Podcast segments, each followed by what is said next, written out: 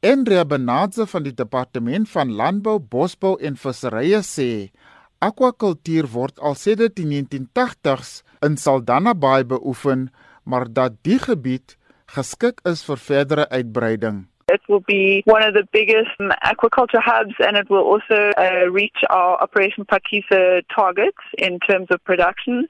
It's definitely already the biggest seawater aquaculture hub. We've obviously got land based abalone farms, but in terms of sea based aquaculture, it is one of the biggest hubs. Volgens Benadze is daar ook verskeie faktore wat die gebied internasionaal 'n gesogte akwakultuurhub maak, soos die koue watertemperature. Sy sê die plaaslike gemeenskap gaan beslis by die ontwikkelingsplanne betrek word. Even internationally, it seems one of the primary spots in terms of quality of oysters and mussels. Part of the reason why it's such a good spot is because of the cold water temperatures and the sheltered bay as well.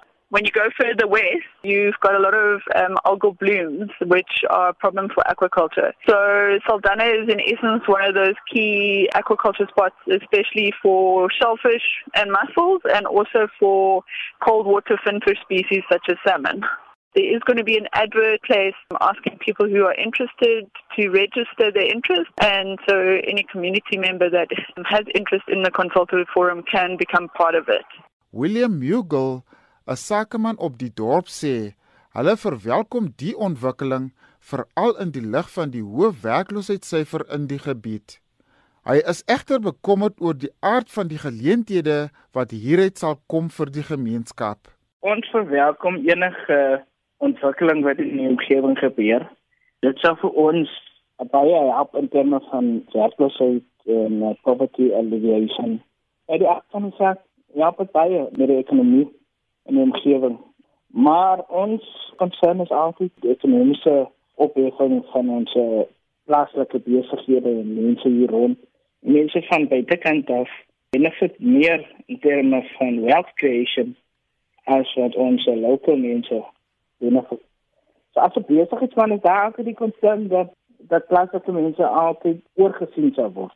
Benate sê die akwakultuurontwikkeling in die gebied sal help om huidige invoere te vervang as ook om uitvoergeleenthede na Europa en die Ooste te benut. We currently have scope for import substitution. For example, um, salmon, we import about 5,000 tons of salmon. We can initially meet that market demand in the local market. There's also still scope to meet local market in terms of mussels and oysters.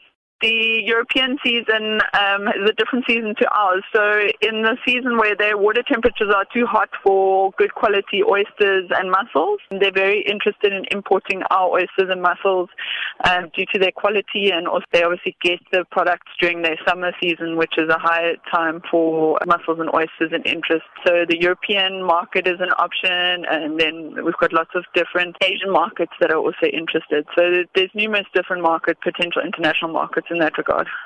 Dit was Andrea Benadze van Operasie Pakisa by die Departement van Landbou, Bosbou en Visserye.